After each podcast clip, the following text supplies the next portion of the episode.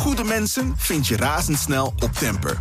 Plaats je shift op het platform en kies zelf uit duizenden freelance professionals op basis van hun ratings en skills. Van 1 tot 100 man, voor één shift of regelmatig, je vindt ze op Temper. Al vanaf 18,90 per uur. Temper, shift your workforce.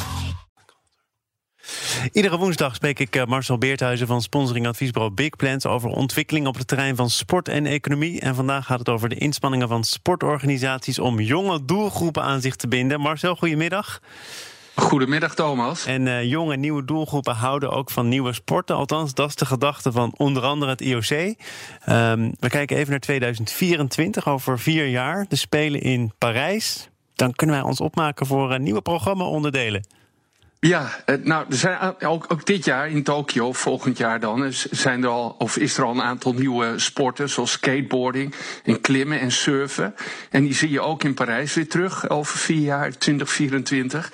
Maar er is ook een nieuwe sport bijgekomen en dat is breakdancing. Of dat heet dan breaking. En dat is, dat, dat is een nieuwe sport toegevoegd aan het uh, Olympische programma. Heel veel sporten zijn afgewezen, maar deze is erbij gekomen. Heel veel sporten zijn afgewezen. Dat is eigenlijk gewoon iedere keer weer een strijd om uh, je plekje te veroveren. Ja, zeker. Uh, bijvoorbeeld squash is al jaren bezig uh, om, om uh, in het Olympische programma te komen. zelfs Roger Federer heeft zich daarvoor ingezet.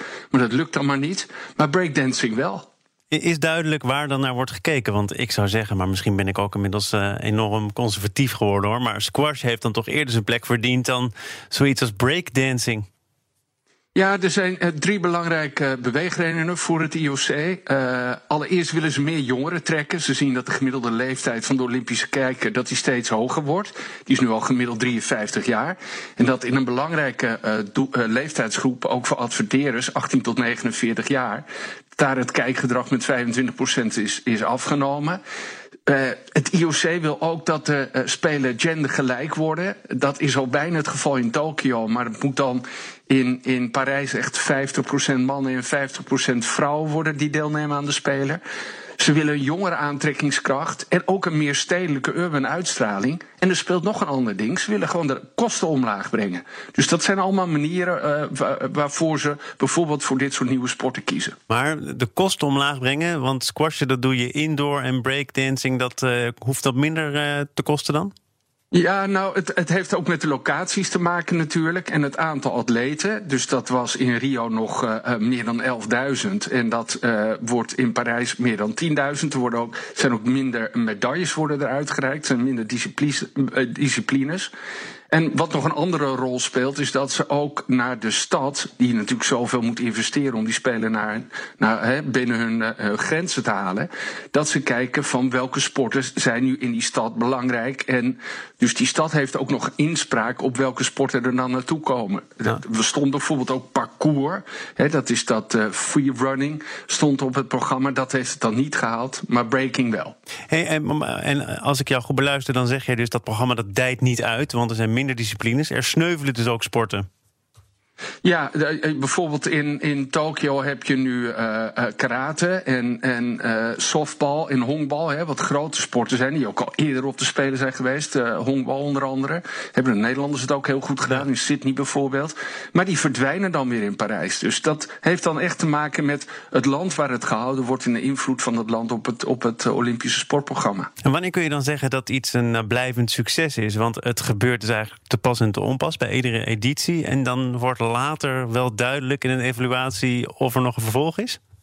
Ja, zeker. Nou, ik, ik vind het wel een mooi voorbeeld is beachvolleybal bijvoorbeeld. Hè. Dat, is, dat zit in het Olympische programma sinds 96. Uh, in 2000 was het natuurlijk een enorme hit in de, op, uh, op de Olympische Spelen in Australië, in Sydney, op Bondi Beach. En dat is echt een hele grote en stabiele sport geworden. Die ook heel veel invloed heeft uitgeoefend op het indoorvolleybal.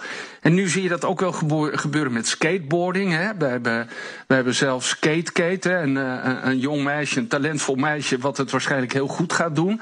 Die wordt nu ook gevolgd door, door allerlei mensen en, en door, uh, door uh, productiemaatschappijen die een documentaire over haar uit gaan brengen. En je zal zien, naarmate de speler in Tokio dichterbij komen, uh, dat steeds meer mensen haar gaan volgen en haar gaan kijken. Dus dat heeft wel degelijk invloed. En ook bij die nieuwe sporten, dat was ook bij skateboarden, zie je nu ook weer bij breaking. Zijn natuurlijk de mensen die het ooit begonnen zijn, breaking in de 70 jaren in de Bronx, die zeggen allemaal ja. Weet je wel, past dat nou wel op de Olympische Spelen? Maar jonge mensen die zo'n sport beoefenen, die zeggen ja, juist geweldig dat wij op een Olympisch platform uh, ook de kans krijgen om onze kunsten te vertonen. Ja, en dat trekt ook weer jongere mensen aan. En wat vind jij ervan? Ga jij er naar kijken? En heeft het voor jou ook evenveel gewicht? Uh, gouden medaille breaking uh, of toch liever de 100 meter sprint? Ja, ik, kijk, het is een jurysport. Ik ben niet zo'n fan van jurysporten. Maar het gaat niet om mij. En, uh, nee, nee, nee, maar het gaat wel om, ook volgens mij, als de Nederlandse ploeg thuis komt met de medailleoogst, dan zou het toch ook fijn zijn dat daar wat sporten bij zitten die mondiaal beoefend zijn en die al een enorme traditie hebben. Volgens mij worden die toch ook in de publieke perceptie anders gewaardeerd. Of, of ben ja, ik dan de enige die dat doet? Ja, ik weet het niet. Ik denk skateboard of BMX, hè, wat, wat ook zo'n sport is die erbij gekomen is, zie je toch dat Nederlanders het goed doen en dat wij er trots op zijn. Surfen is er ook bij gekomen. Dus trouwens wel leuk, in, in Frankrijk komt dat ook, maar dat is dan niet in de buurt van Parijs, maar in Tahiti gaan ze dan surfen. Dus ook wel leuk. Dus misschien moeten we gaan trainen, Thomas. Dan kunnen we onze ja. kunsten vertonen. Ja. Maar ja, er zit wel verschil in die medailles. Maar over het algemeen denk ik dat het heel leuk is. En dat het ook goed is dat het IOC nadenkt over het feit. Hoe kunnen we nou meer jonge mensen betrekken? En ook de Nederlandse sport is daar continu mee bezig. Er zijn natuurlijk ook andere manieren om dat te doen. Met nieuwe spelregels, met nieuwe spelvormen. Of met gaming bijvoorbeeld, wat je op ziet komen. Maar ik denk op zich dat dit een hele goede ontwikkeling is. Ja. En het is overigens natuurlijk wel dat de hele wereld vergrijst. Hè? Dus we kunnen wel zeggen dat de televisiekijker ouder wordt. Ja, A, omdat de jonge mensen misschien geen televisie meer kijken. Maar B, mensen worden nou eenmaal ouder. En als je kijkt naar demografische ontwikkeling, dan zijn er zo meteen meer ouderen dan jongeren. Ja, nee, zeker. En de gedachte is dat jonge mensen niet meer kijken. Nou, dat is wel een misverstand, want die kijken wel degelijk. Alleen die kijken niet meer 90 minuten of hoe lang, hoe lang een sportwedstrijd ook, dan ook duurt. Maar die krijgen wel degelijk via social media, via appgroepen en hun eigen uh, sociale omgevingen heel goed door van wat zich afspeelt. Uh, dus, dus mensen blijven verbinden. Dat is denk ik ook de algemene opdracht van de Spelen. Is heel erg belangrijk. En ik vind dit een goede ontwikkeling. Marcel Beerthuizen, dankjewel en uh, tot volgende week voor de allerlaatste van 2020. Goede mensen vind je razendsnel op Temper. Plaats je shift op het platform en kies zelf uit duizenden freelance professionals op basis van hun ratings en skills. Van 1 tot 100 man, voor één shift of regelmatig, je vindt ze op Temper. Al vanaf 18,90 per uur. Temper, shift your workforce.